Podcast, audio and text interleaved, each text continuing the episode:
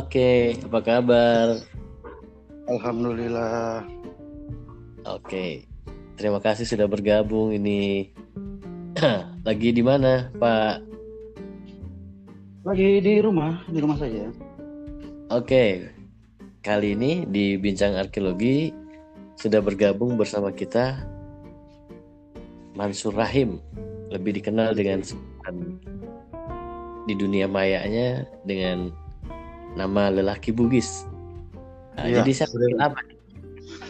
Ya, untuk teman-teman lama, teman-teman dekat kan lebih kenalnya Ancu.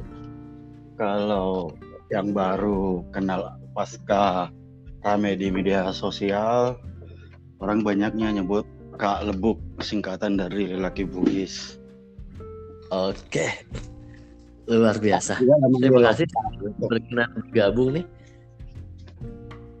Kak Lebuk ya. Iya, dan manggil Opa juga bisa.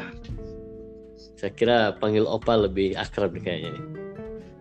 Iya, boleh, boleh. Oke, ngomongin apa ini? Kang Yadi, Kang Yadi, panggilnya Kang Mas, Bro. Kang Mas, Kang Yadi aja lah. Iya, Pak Yadi. Iya, oke. Ini terima kasih sudah mau bergabung di podcast Bincang Arkeologi. Bincang Arkeologi. Ah, Ini edisi khusus itu, edisi malam Jumat dan untuk pertama kalinya menghadirkan bukan arkeolog nih. Nah, jadi Opa ini, Opa Lebuk ini bukan arkeolog tapi sudah menggeluti dunia arkeologi cukup lama sejak mahasiswa. Karena banyak teman-temannya memang para arkeolog, termasuk saya juga. Begitu ya, apa ya? Menggeluti sih tidak ya. Eh, tepatnya mungkin lebih tertarik ke arkeologi karena itu tadi seperti Pak Yadi bilang dikelilingi oleh teman-teman yang jurusan arkeologi bergaulnya di arkeologi. Saya ini selalu ber- saya selalu ngomong selalu bilang ke teman-teman, saya ini orang yang salah jurusan. Harusnya milih arkeologi dulu, jurusan arkeologi malah harusnya bukan sastra Inggris. Iya, Pak. Ini pernyataan yang menarik nih. Nah, kira-kira dari dari pernyataan tersebut bisa nggak dikembangkan menurut menurut Om Ancu ini? Apa sih menariknya arkeologi itu? Apa ya buat saya pribadi apa ya? Eh, ketika kita arkeologi kan banyak bicara mengenai masa lalu ya. Jadi kita Ya, bisa benar. untuk buat saya mengenali diri sendiri eh, itu ya bisa melalui eh, masa lalu, mempelajari masa lalu eh, pendahulu pendahulu kita sampai ke tahun beribu-ribu tahun lampau misalnya. Ya itu sih menariknya buat saya. Jadi mempelajari bagaimana kita diri sendiri terbentuk dari budaya yang ada di kita, kebiasaan-kebiasaan nenek moyang kita sampai kok bisa jadi seorang ancu yang sekarang gitu. Ah, luar biasa. Oke. Jadi kalau pandangannya Ancu sendiri terkait dengan perkembangan arkeologi di Indonesia sejauh ini gimana itu? Sejak pertama kali mengenal arkeologi, ber, eh, apa, berteman dengan teman-teman para arkeolog dan sampai sekarang gitu. Gimana sih perkembangan arkeologi di Indonesia? Kalau dulu ya zaman mahasiswa ya, eh, yang yang menarik sekarang adalah bahwa eh, orang makin banyak mengenal arkeologi dibanding yang lamp yang ketika 10-20 tahun yang lalu. Mungkin karena per- perkembangan media sosial jadi eh, zaman informasi lebih mudah tersebar. Jadi apa yang teman-teman lakukan, teman-teman arkeolog lakukan jadi lebih mudah terakses dan pengetahuan-pengetahuan arkeologi, temuan-temuan arkeologi atau eh, itu jadi lebih bisa diketahui oleh orang banyak. Ya, betul sekali sih emang. Itu salah satu hal yang kita rasakan juga di kalangan arkeolog bahwa tidak bisa dipungkiri eh, perkembangan internet yang memicu munculnya beragam medsos itu menjadikan informasi mengenai arkeologi itu tersebar luas gitu, dan bisa diakses oleh siapa pun juga yang mengakses dunia internet.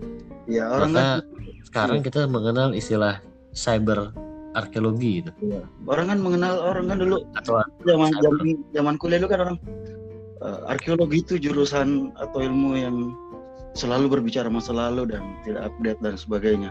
Nah sekarang kan harusnya arkeologi menjadi sebuah ilmu atau pengetahuan yang ya untuk semua orang tidak hanya kalangan tertentu kalau seperti kayak kita dulu kan hanya di Iya, betul. bahkan dulu kampus jurusan arkeologi cuma empat ya kalau dulu setahu saya enggak tahu Iya.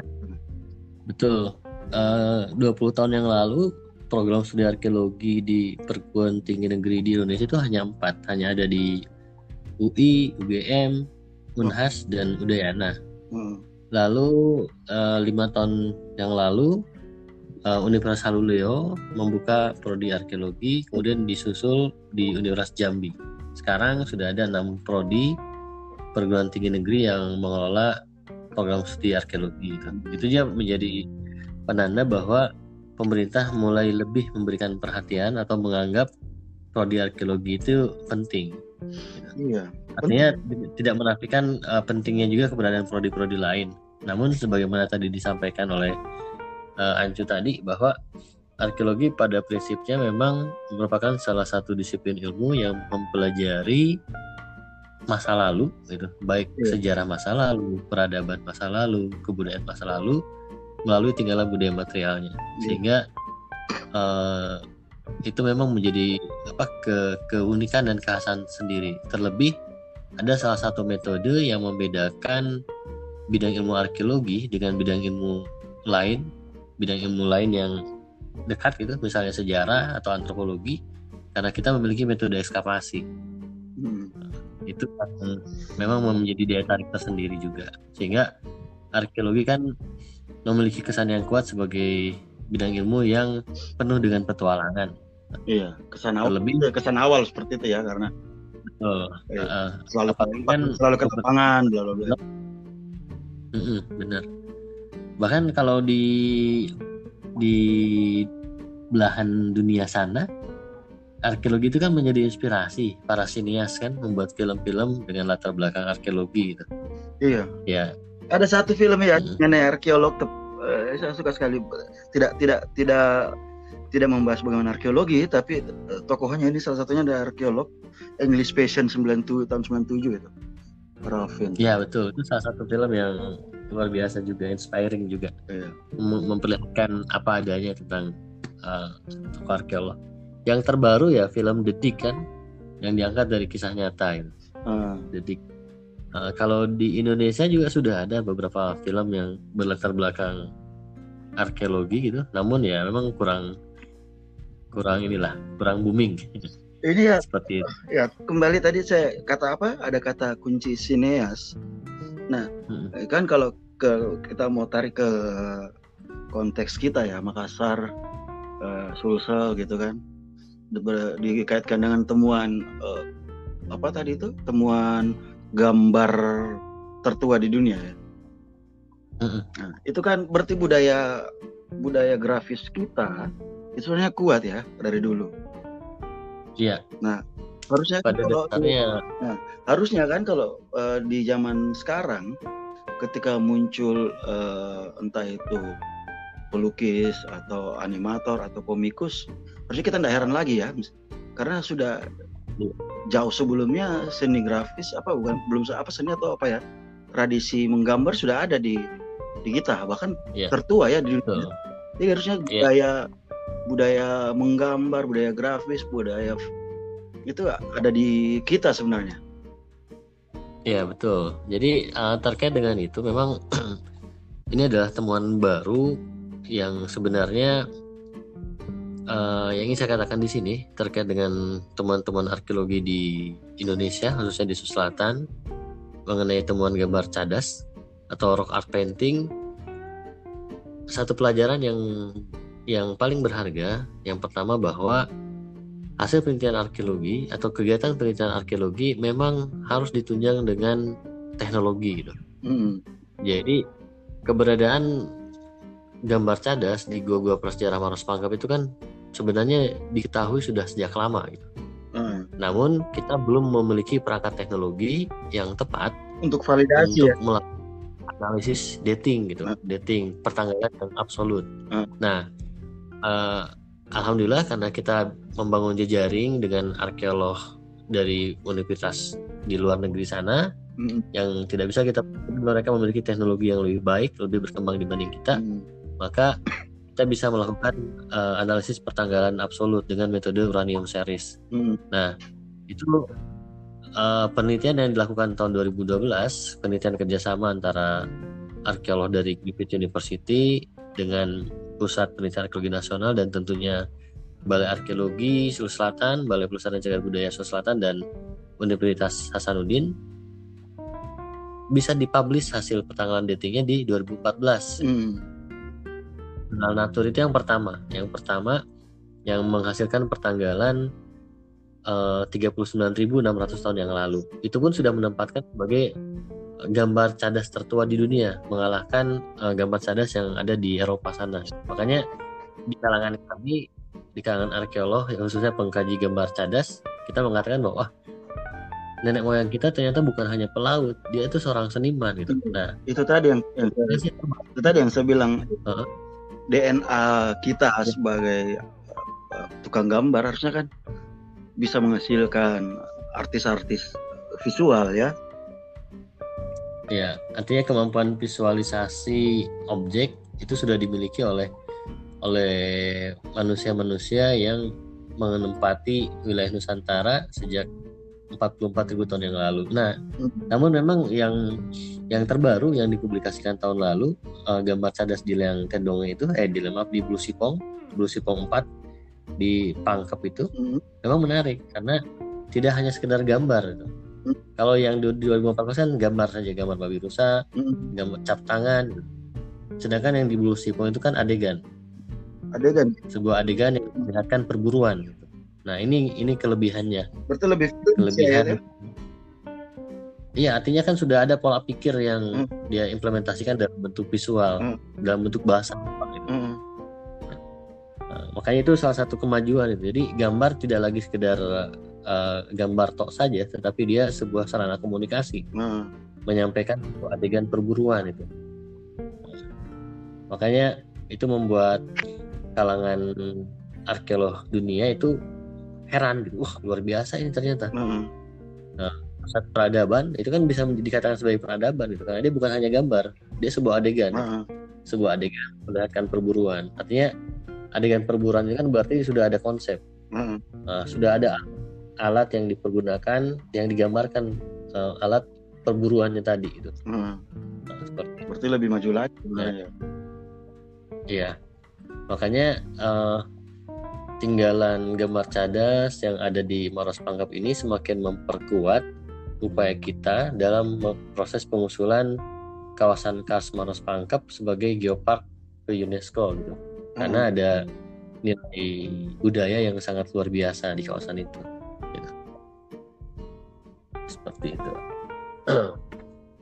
Nah, tapi eh, apa ya eh, kalau kita bicara ar- arkeologi memang menarik apalagi di era di era cyber ini ya. Makanya kan ada istilah sekarang di kalangan kita di arkeologi kajian cyber arkeologi gitu. Tapi di sisi lain di sisi lain eh, kita sebagai masyarakat tetap harus mampu melakukan saringan informasi juga itu saringan informasi kearkeologian yang ada di dunia di dunia di dunia maya Mm, karena kadang beberapa di antaranya informasi kearkeologiannya itu tidak terverifikasi atau kita istilahkan di arkeologi itu sebagai pseudo arkeologi. mm. Tidak belum validasinya ndak anu ya. Iya. Hmm. Karena ya itu tadi eh, ada banyak informasi yang sebenarnya belum melalui tahapan penelitian yang mendalam, jadi tidak terverifikasi tapi itu dianggap sebagai sebuah kebenaran karena ada kecenderungan bahwa apa yang disampaikan, apa yang kita googling itu suatu kebenaran gitu. Padahal belum tentu. Ya itu ya itu memang eh, masalah kita secara umum di media sosial ya, di internet khususnya ya.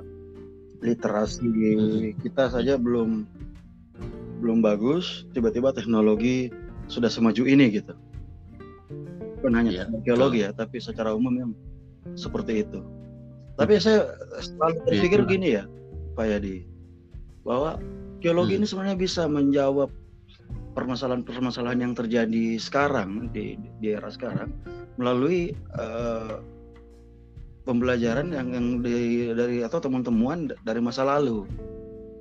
Misalnya contoh khusus, contoh kecil saja misalnya eh, perbedaan-perbedaan dan bahkan benturan misalnya si A Sunni si A begitu. Nah, itu kan bisa di mungkin bisa ditelusuri di arkeologi bahwa kita dulu tidak kenal begituan loh gitu. Tidak tidak bersalah dengan Iya. seperti itu.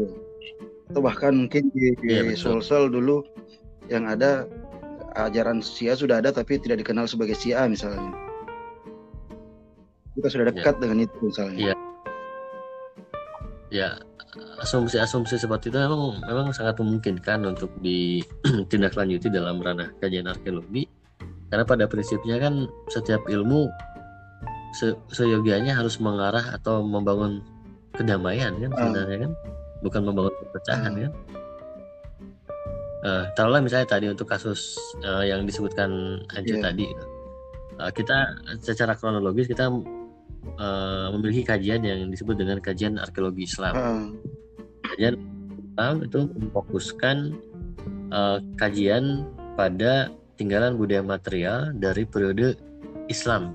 Periode Islam di sini berarti mulai dari periode Islamisasi yang berlangsung di Nusantara. Hmm. Nah, sebagai satu contoh dari hasil penelitian terbaru mengenai tinggalan arkeologi Islam dilihat dari makam.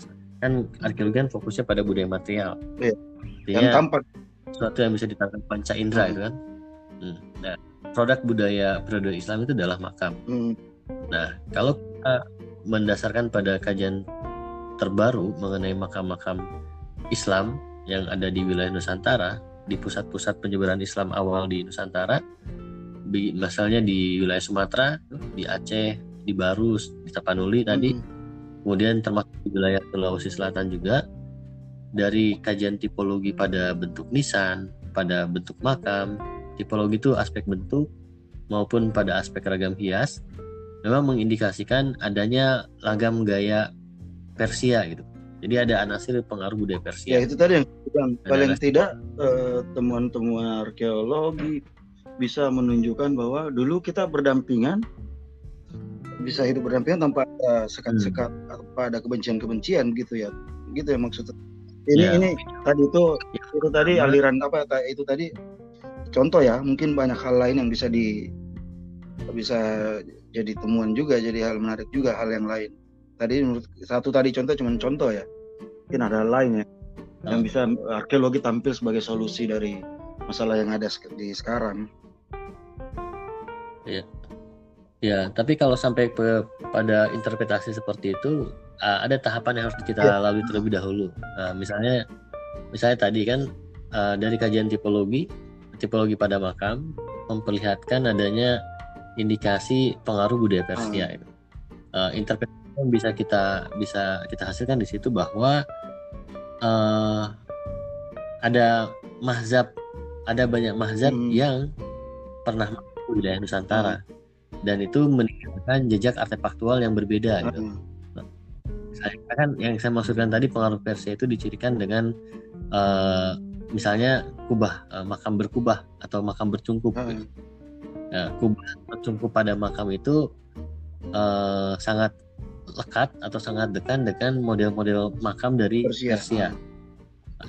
Bahwa beberapa makam Islam di wilayah Sulawesi Selatan yang paling jelas terlihat tuh kayak di Jeneponto, komplek makam Raja-Raja Binamu, itu kan memperbolehkan motif hias, gambar motif hias fauna, bahkan misalnya berbentuk arca gitu. Yang notabene untuk mazhab tertentu itu tidak diperbolehkan kan? Gitu. Tidak diperbolehkan, tapi ada makam Islam dengan ragam hias gambar macan. Ah, dengan gambar manusia. Ada mazhab eh, Islam yang membolehkan hal tersebut, tapi ada mazhab Islam yang yang tidak membolehkan dengan tegas hal-hal seperti itu. Iya. Di sisi lain di makam masih di area yang sama ada makam Islam yang tidak memperlihatkan ciri-ciri yang seperti ya. itu dan keduanya tetap eksis sampai sekarang artinya kita bisa katakan bahwa itu uh, kedua tipologi makam itu berbeda tapi hidup dalam periode yang sama di, diproduksi dalam periode yang sama artinya itu kan ada dua mazhab yang berbeda tapi mereka tidak saling meniadakan. Ya, itu. karena kalau mereka meniadakan bisa saja ma uh, makam yang dianggap tidak sejalan dengan uh, mazhabnya dia itu akan dihilangkan kan? Itu tadi maksud saya bahwa uh, arkeologi uh, memberikan bukti bahwa toh dulu nenek moyang kita beratus tahun-tahun lalu hidup berdampingan walaupun berbeda ya secara masyab keyakinan ya ya. Iya. Seperti itu contoh. Iya, artinya saya membayangkan kan seperti artinya itu. dari ya. ya seperti itu. Jadi salah satu interpretasi yang kita bangun dari kajian arkeologi Islam dengan mengacu pada tinggalan berupa makam ya. Karena kan tinggalan arkeologi Islam itu bukan hanya iya. makam. Uh, tentunya ada masjid uh. juga bangunan masjid masih bangunan masjid kita kan itu jelas memperlihatkan betapa kuatnya filter budaya yang dimiliki oleh nenek moyang kita hmm. dulu leluhur kita. Artinya walaupun pengaruh Islam masuk tentunya pengaruh Islam kan masuk juga pengaruh budayanya. Entah itu budaya Arab entah itu budaya India hmm. itu tapi mereka tidak serta merta mengadopsi keseluruhan konsep budaya dari yeah. luar itu. Ada makanya ada bentuk masjid ya? Makanya bentuk masjidnya kita itu masjid Nusantara itu tetap khas itu ada ciri ciri arsitektur vernakulernya ciri arsitektur kitanya gitu.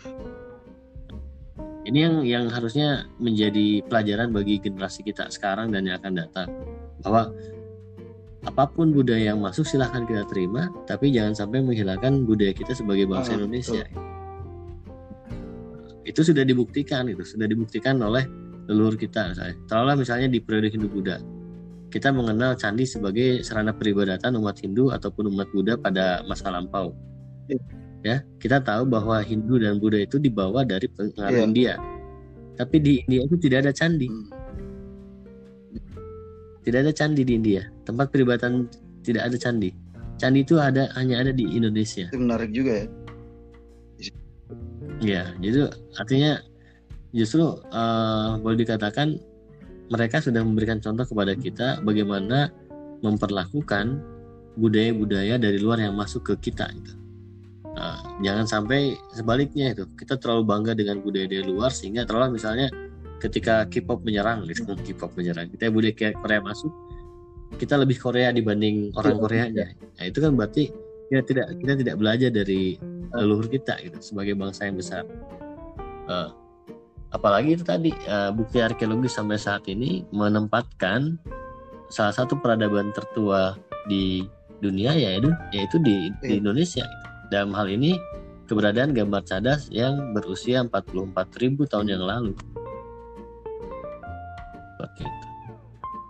Jadi ya memang menarik kalau kita bicara uh, uh, apa hasil-hasil penelitian terbaru dari penelitian arkeologi yang sudah dilakukan di Indonesia namun memang kita masih sangat terbatas ini. Potensi situs arkeologi di Indonesia itu begitu luar biasa.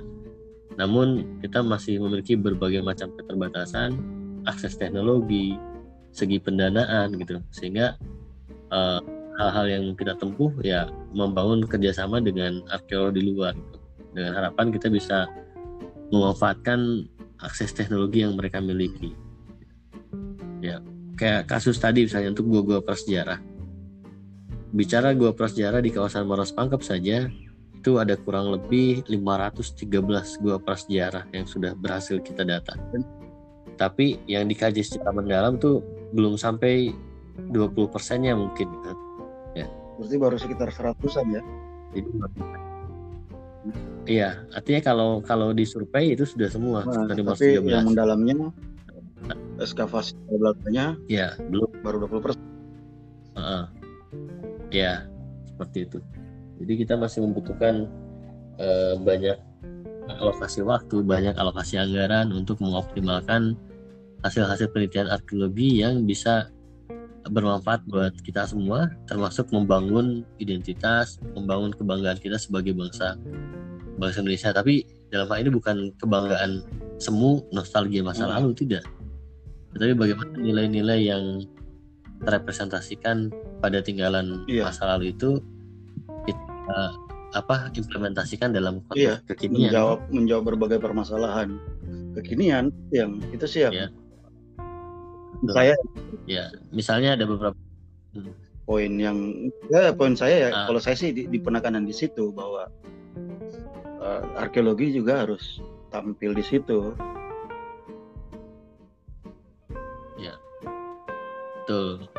Kita kan ilmu yang ilmu tentang masa lalu tapi berupaya untuk memprediksi Iya. masa depan gitu.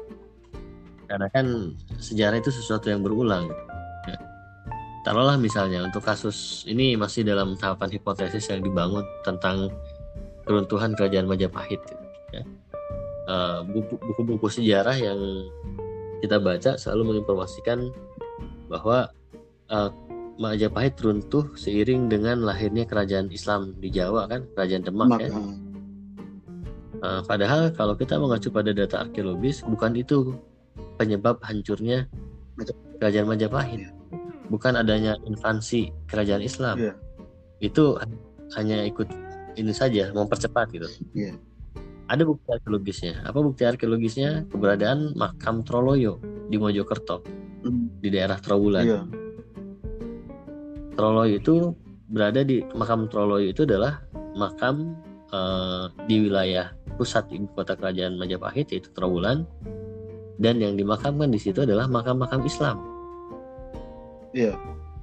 Dan makam tokoh Islam yang dimakamkan di situ adalah orang-orang Majapahit dari kalangan bangsawan. Hmm, artinya kerajaan Majapahit yang bercorak Hindu tadi pada periode yang sama sudah ada kalangan masyarakat Majapahit kalangan masyarakat atasnya bahkan Iya. yang memeluk agama Islam dan itu jalan-jalan tidak masalah. Ah, Tapi mengapa Majapahit hancur, runtuh kemudian runtuh? Karena elit politik yang saling bersaing gitu. Pasca meninggalnya eh, Patih Gajah Mada, pasca meninggalnya Raja Hayam Wuruk, tidak ada tokoh sentral yang bisa menjadi figur. Berarti Maka sebenarnya keturunan kerajaan dari- Islam bukan pemicu ya karena sudah ada bukan sudah eh, itu sudah hidup berdampingan gitu. Jadi tidak yang masalah. ada intrik Makanya kan tidak koin-koin Arab yang ditemukan di situ sebagai mata uang karena mereka sudah melakukan perdagangan dengan bangsa Arab. berarti sudah sangat berterima ya sudah Hmm. sangat terterima Betul. Nah, pelajarannya di sini adalah kita bisa bisa melihat eh, pasca meninggalnya Hayam Wuruk itu kan kehilangan figur, Iya. Hah? kehilangan figur. Gajah Mada juga sudah meninggal. Eh, Elit-elit politik Majapahit pada periode itu saling bersaing gitu, saling bersaing memperebutkan kekuasaan tertinggi. Apa yang mereka lakukan? Mereka membangun masing-masing klan ini membangun eh, apa? Membangun sesuatu yang monumental gitu. Candi Bajang Ratu, beberapa candi lain. Lalu apa yang men- berasal dari mana dana pembangunannya? Mereka meningkat menaikkan pajak. Iya. Jadi Jadi dibebankan kepada rakyat. lebih ke intrik internal ya Nah, sebenarnya ya, keruntuhannya. Iya. Iya. Tidak ada kepedulian dari apa negara tidak lagi memberi perhatian lebih pada rakyat gitu. Hmm. Mereka fokus pada kepentingan kalau eh, golongannya masing-masing Hmm. Jadi beberapa tinggalan yang monumental itu dibangun di periode menjelang kehancurannya Majapahit. Jadi bukti arkeologisnya adalah tinggalan-tinggalan yang dibangun dari periode akhir Majapahit. Tapi itu bukan sebagai bukti kejayaan malahan. Ah, Tapi itu bukti adanya persaingan elit politik yang menjadi tanda bahwa mereka tidak lagi memiliki kepedulian untuk melihat kepentingan rakyat. ini justru bahwa awal titik awal dari kehancuran Majapahit justru ya penanda itu. Ya, Jadi mereka Betul. membangun Yang- monumen penanda kehancuran mereka sebenarnya ya, sebagai sebuah kerajaan besar. betul. Kasarnya infrastruktur dibangun terus, tapi ini infrastruktur bukan buat rakyat. Ah, seperti itu ya tapi itu sebuah interpretasi yang mudah-mudahan kita tidak tidak terjadi di Indonesia pada masa-masa di mendatang situ kita bisa belajar ya itu belajar dari masa lalu lagi kembali. Jadi memang cakupan arkeologi itu sangat luas, makanya kita sebagai arkeolog itu memang tidak bisa egois dengan ilmunya. Gitu. Kita membutuhkan banyak ilmu bantu. Salah satunya termasuk ilmu bantu terkait dengan uh, komunikasi, bagaimana membangun narasi-narasi uh, warisan budaya lah, yang bisa menginspirasi masyarakat. Hmm. Jadi kita sekarang dituntut untuk membuat publikasi yang sifatnya populer hmm. tidak sekedar artikel-artikel ilmiah semata yeah. gitu. tapi tulisan yang populer bahkan uh, unit-unit arkeologi UPT atau unit pelaksana teknis Kemdikbud yang menangani arkeologi dan cagar budaya sekarang dituntut untuk membuat beragam model publikasi mulai film animasi komik gitu, agar hasil-hasil penelitian arkeologinya itu bisa lebih mudah dipahami oleh masyarakat.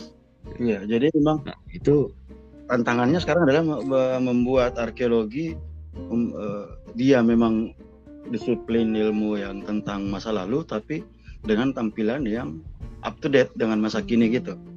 Itu tantangan besar. Iya, betul. Termasuk membangun kompetensi arkeolog Indonesia saat ini adalah seorang arkeolog yang mampu menyampaikan hasil penelitian arkeologi dalam bentuk bahasa yang mudah dipahami oleh masyarakat. Gitu. Jadi tidak hanya dituntut memiliki kemampuan membuat artikel ilmiah, uh -huh. tapi dituntut juga untuk membuat artikel tulisan-tulisan populer. Ini akan jadi menarik. Bahkan akan jadi menarik ya ketika misalnya yeah. ada sebuah temuan baru kemudian sudah diverifikasi bla validasi bla bla bla kemudian disampaikan ke orang banyak melalui salah kayak ini podcast ini menarik jadinya ya jadi iya. Hmm. Ya kayak ini contoh lain misalnya uh, bagaimana uh, kajian arkeologi itu terus mengalami perkembangan. Misalnya terutama terkait dengan konteks pelestarian sumber daya arkeologi yang dalam yeah. istilah undang-undang kita, Undang-Undang Nomor 11 Tahun 2010, sumber daya budaya atau tinggalan arkeologi itu dikategorikan dengan apa disebut dengan istilah cagar budaya. Kan? Nah, di pasal 1 undang-undang tersebut disebutkan bahwa cagar budaya adalah warisan budaya bendawi yang memiliki nilai penting ilmu pengetahuan, sejarah, budayaan, pendidikan, dan agama.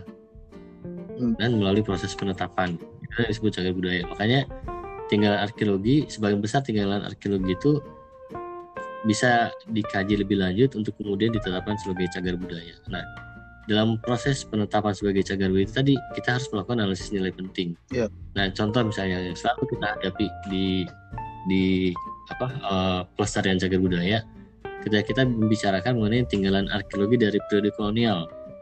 Lebih bagus lagi. Periode kolonial itu berarti ya. kan hmm. bangunan bangunan-bangunan kolonial hmm. ya, entah itu yang dibangun oleh Portugis, Spanyol, Belanda ataupun Jepang atau Inggris. Hmm biasa kita diperhadapkan oleh pernyataan-pernyataan masyarakat. Buat apa sih kita melestarikan bukti-bukti bahwa kita pernah dijajah? Iya. Nah, misalnya untuk contoh kita di Makassar, Benteng Rotterdam. Iya. Benteng Rotterdam kan tidak bisa kita pungkiri yang yang ada sekarang itu adalah konstruksi bangunan yang dibuat oleh iya. Belanda, POC Belanda tahun 1700 kan, ya? pasca perjanjian Bombay. Zamannya Spelman. Iya. Uh, zamannya Spelman ya tidak bisa kita pungkiri bahwa konstruksi bangunannya adalah bangunan Belanda hmm. gitu nah, tapi kan uh, bukan itu yang diangkat oleh pemerintah hmm. itu selalu di, diangkat bahwa itu adalah tinggalan kerajaan Gotalo hmm. nah, tapi informasi yang yang merupakan alasan mengapa kita harus bangga dengan itu tidak tidak sampai ke masyarakat. Mengapa kita katakan itu sebagai ketinggalan kerajaan Gotalo? Iya. Padahal bukti fisik kan konstruksi Belanda. Iya. Yang versi betul versi sebelumnya sudah habis ya.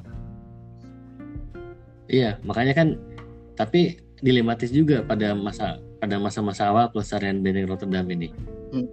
Uh, misalnya kalau kita mengatakan bahwa itu tinggalan Belanda POC, maka kita diperhadapkan pada pertanyaan masyarakat buat apa kita melestarikan yeah. bukti bahwa kita pernah dijajah yeah. Belanda gitu. hmm? tapi ada banyak nah, bisa dipelajari di situ ya ya di situlah peran arkeolog bagaimana melakukan kajian analisis nilai penting yang berorientasi atau memakai paradigma sudut pandang Indonesia itu, bukan sudut pandang kolonial. Kalau sudut pandang kolonial maka ya pernyataannya adalah itu tinggalan Belanda. Hmm. Gitu. Karena bangunannya itu konstruksi Belanda. Model bentengnya juga benteng Eropa, bukan benteng tradisional. Nah, makanya kita harus membangun narasi nilai penting yang mengacu pada sudut pandang bangsa Indonesia. Dan dilakukan oleh teman, itu yang harus dilakukan oleh teman-teman arkeolog ya. Ya, makanya misalnya seperti ini, ada ada harusnya ada narasi sejarah yang kita sampaikan ke masyarakat dan ini adalah fakta. Iya, tidak bisa dipungkiri. Dan kita bicara uh, kerajaan Gua Talo atau kerajaan Makassar, relasinya dengan uh, VOC Belanda adalah perang Makassar. Perang Makassar itu kan adalah perang yang termasuk kategori perang paling berat yang dihadapi oleh VOC. Bahkan setelah perang Makassar, VOC bangkrut. Iya. Karena sangat menghabiskan banyak sumber daya yang dimiliki oleh VOC. Nah, tapi intinya pasca perjanjian Bungaya, maka ada keputusan yang disepakati bersama bahwa seluruh benteng yang dimiliki kerajaan Guatalo itu harus dihancurkan kecuali dua. Itu kenapa ya alasannya itu kenapa dua?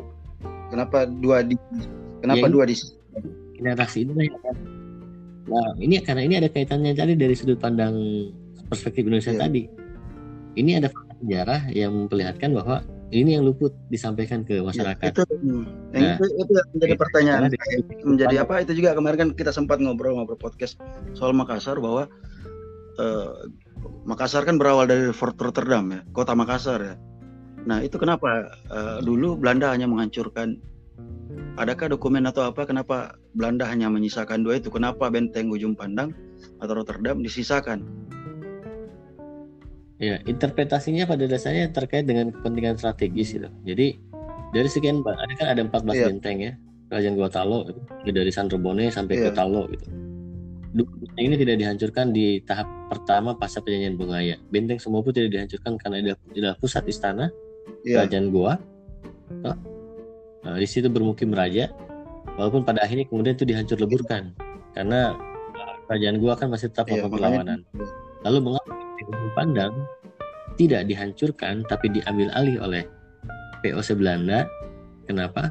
Karena POC Belanda belajar dan setuju dengan keputusan dari kerajaan Guatalo yang memilih benteng Ujung Pandang sebagai salah satu sebagai pusat representasi dari kerajaan Goa dan Talo. Iya.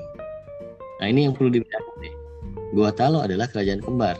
Kerajaan kembar yang terdiri dari dua kerajaan, kerajaan Goa dan kerajaan Talo. Kerajaan Talo ibu kotanya di Talo dengan bukti benteng Talo tadi dan ada makam Raja Talo dan dua yang desa- tersisa makam Raja Talo ya kalau benteng sudah ada tidak ada ya masih ada sisa strukturnya sebagian. Nah, terus Benteng Sembopu sebagai pusat istana. Nah, inilah yang menarik gitu. Ketika mereka menyatakan berikrar dua raja satu rakyat, Hmm.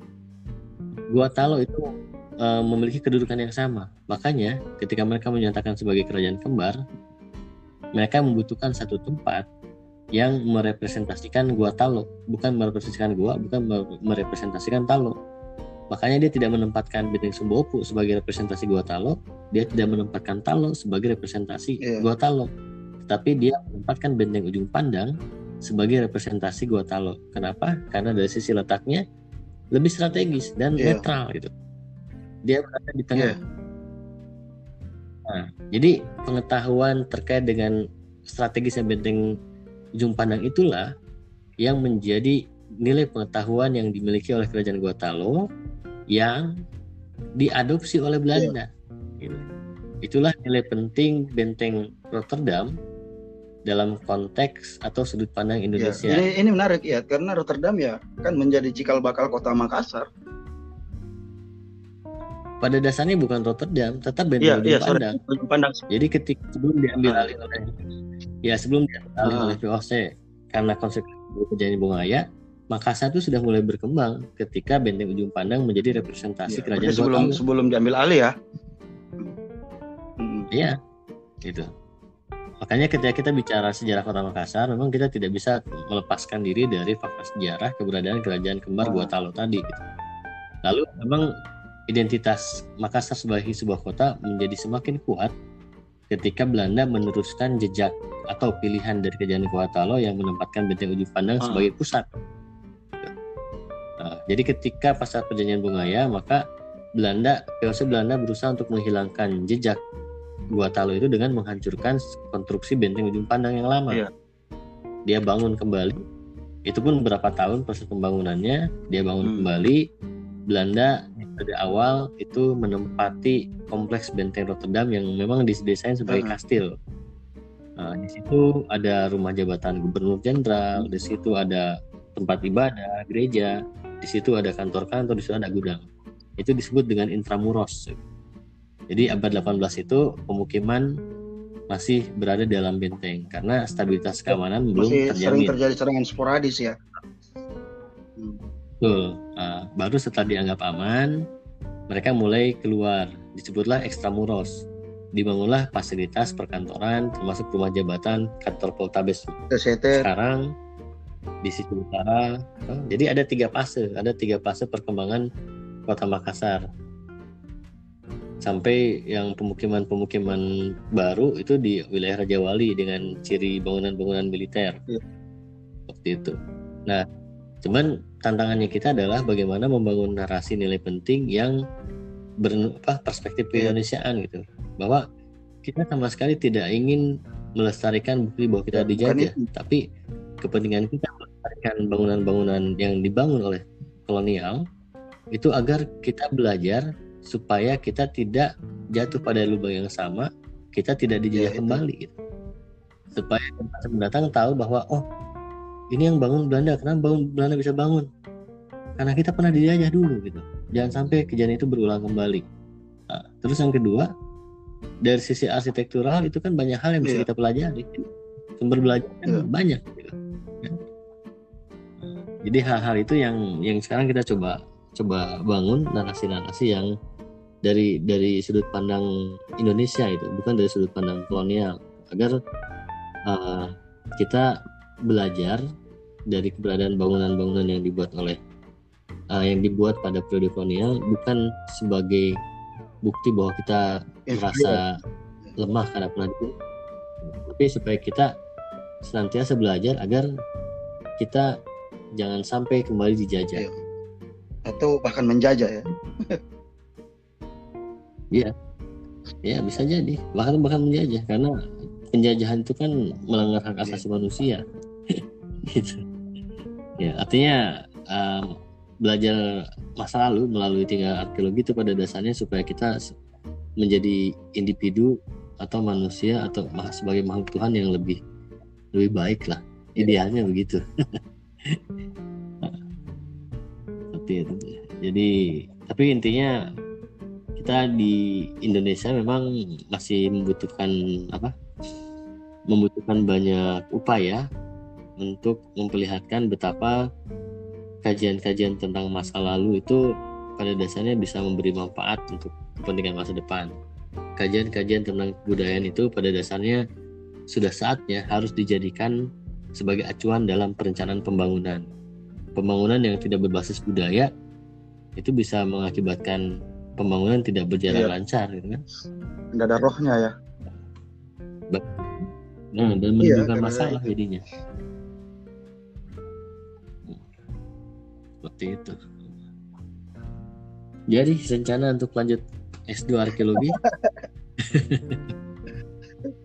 Nanti off the record. Off the tidak record. usah jauh-jauh ke Pulau Jawa di tidak usah jauh-jauh ke Pulau Jawa di Unhas sudah ada S2 Ya ini perlu diumumkan ya ke teman-teman bahwa eh, Unhas sudah buka prodi magister arkeologi ya. Saya sudah kepikiran. Iya. Dengan peminatan peminatan arkeologi murni, pencagar budayaan, lalu objek pemajuan kebudayaan dan Iya, saya sendiri sih tertarik sih ya untuk masih berpikiran untuk lain mengambil magister arkeologi itu. Ya, yang, yang pasti sih kebutuhan tenaga ahli arkeologi di Indonesia atau khususnya di Sulawesi itu masih Besar. sangat uh, Hmm. besar. Uh, kalau kita mau konsisten dengan kebijakan atau yang diamanahkan oleh Undang-Undang Cagar Budaya tadi nomor 11 tahun 2010, setiap daerah itu harus memiliki tim Iya. ahli cagar budaya. Nah, salah satu kompetensi yang dibutuhkan untuk menjadi tim ahli cagar budaya adalah seseorang yang memiliki pendidikan dari jenjang S2 arkeologi. Selain bidang ilmu antropologi, sejarah kan, tapi yang spesifik memang dari dari Iya. bidang arkeologi gitu. Karena arkeologi yang memang pada aspek apa asesmen untuk nilai Iya. penting cagar ini budaya menarik ya. gitu. Informasi ini menarik buat Nah. teman-teman yang mungkin bisa mem- belum memutuskan mau lanjut ke mana gitu kan. Dan kita sudah menerapkan pembelajaran daring bukan bukan berarti karena situasi pandemi ya. Tapi pada dasarnya dengan perkembangan teknologi yang ada, belajar itu tidak bisa lagi dibatasi di ruang kelas gitu. Artinya sebagaimana yang dicontohkan teman-teman di Paneteyang itu kan luar biasa tuh. Belajar kampus merdeka Hmm. di desa itu. Oh, karena kan ada akses teknologi yang memungkinkan warga desa tidak mesti meninggalkan desanya untuk Iya. belajar di Ya Di kita kota, bikin kan? itu kita, apa teman-teman Iya. bikin itu kan karena pertimbangan itu bahwa selama ini kan kita lihat fenomena orang ke apa orang kuliah meninggalkan kampungnya kemudian tidak kembali lagi desa jadi kosong dan ya seperti itu hanya ada Iya. pemerintah Kita- desa meng- mengambil langkah itu Betul. Ya, kita juga sudah mulai menerapkan sistem pendidikan begitu. Artinya pembelajaran daring memang se- sebuah keniscayaan untuk Ya, untuk era sekarang. dipercepat dengan adanya Itu- pandemi ya Iya. Karena kan belajar itu kan Iya. hak semua orang ya, hak asasi lah. Jadi tidak bisa kita dengan adanya teknologi sekarang memungkinkan belajar di mana saja. Kita tidak boleh lagi membatasi orang untuk belajar pada satu ruang geografis tertentu. Batas geografis tidak lagi menjadi pembatas bagi orang untuk dapat mengakses Ya, pengetahuan. tidak boleh lagi jadi alasan untuk orang tidak dapat Seperti itu. Iya. Jadi kira-kira apa lagi yang perlu ditambahkan nih mengenai kesan tentang arkeologi? kira saat ini itu seperti itu ya ya, ya. mungkin nanti kita bisa ngobrol-ngobrol lagi hal lain gitu yang mungkin menanggapi isu-isu Oh. terkini atau konteks kekinian dari sudut pandang arkeologi itu akan jauh lebih menarik ya Oke, bisa banyak hal yang bisa kita kita tinjau bersama dari sudut pandang arkeologi. Tinggal kita eh, sepakati kira-kira tema apa yang Iya. kekinian yang bisa di didiskusikan dalam Iya. perspektif arkeologi. Kita akan jadi banyak banyak itu. banyak Iya. hal yang bisa menarik kita bincangkan ya nanti lah Ya, betul. Eh, kalau saya pribadi setelah mengkaji, bukan setelah mengkaji ya, setelah berkecimpung di dunia arkeologi, memang saya lebih cenderung memaknai arkeologi itu sebagai Iya. sebuah metode, gitu. sebagai sebuah metode. Makanya arkeologi itu sangat sangat cair ya, bisa masuk pada berbagai macam, pada berbagai lini. Makanya eh, untuk kajian tematik itu arkeologi itu sangat luas. Ada arkeologi industri, ada arkeologi ekonomi, ada arkeoastronomi, sangat banyak ternyata ya hampir semua sangat bidang. luas betul hampir bidang. ya bahkan arkeologi Qurani kalau di luar sana kan ada eh, Bible arkeologi gitu. bagaimana disiplin ilmu arkeologi itu dikembangkan untuk menelusuri atau mencari kebenaran dari isi kitab Injil. Jadi arkeologi pun kadang diarahkan menjadi arkeologi politik. Bagaimana tinggalan arkeologi? Nah ini kan eh, pemanfaatan arkeologi untuk kepentingan politik itu juga yang dilakukan Iya. oleh Nazi dulu kan? Bagaimana Nazi berusaha mengangkat apa eh, arke- memanfaatkan arkeologi untuk memperkuat asumsi bahwa bangsa Arya itu adalah ras ter terbaik ya, dengan mel- dengan melibatkan arkeolog-arkeolognya mereka gitu. Ya kadang kadang ya di situlah arkeolog terjebak untuk mel- melegitimasi Hmm. kekuasaan gitu.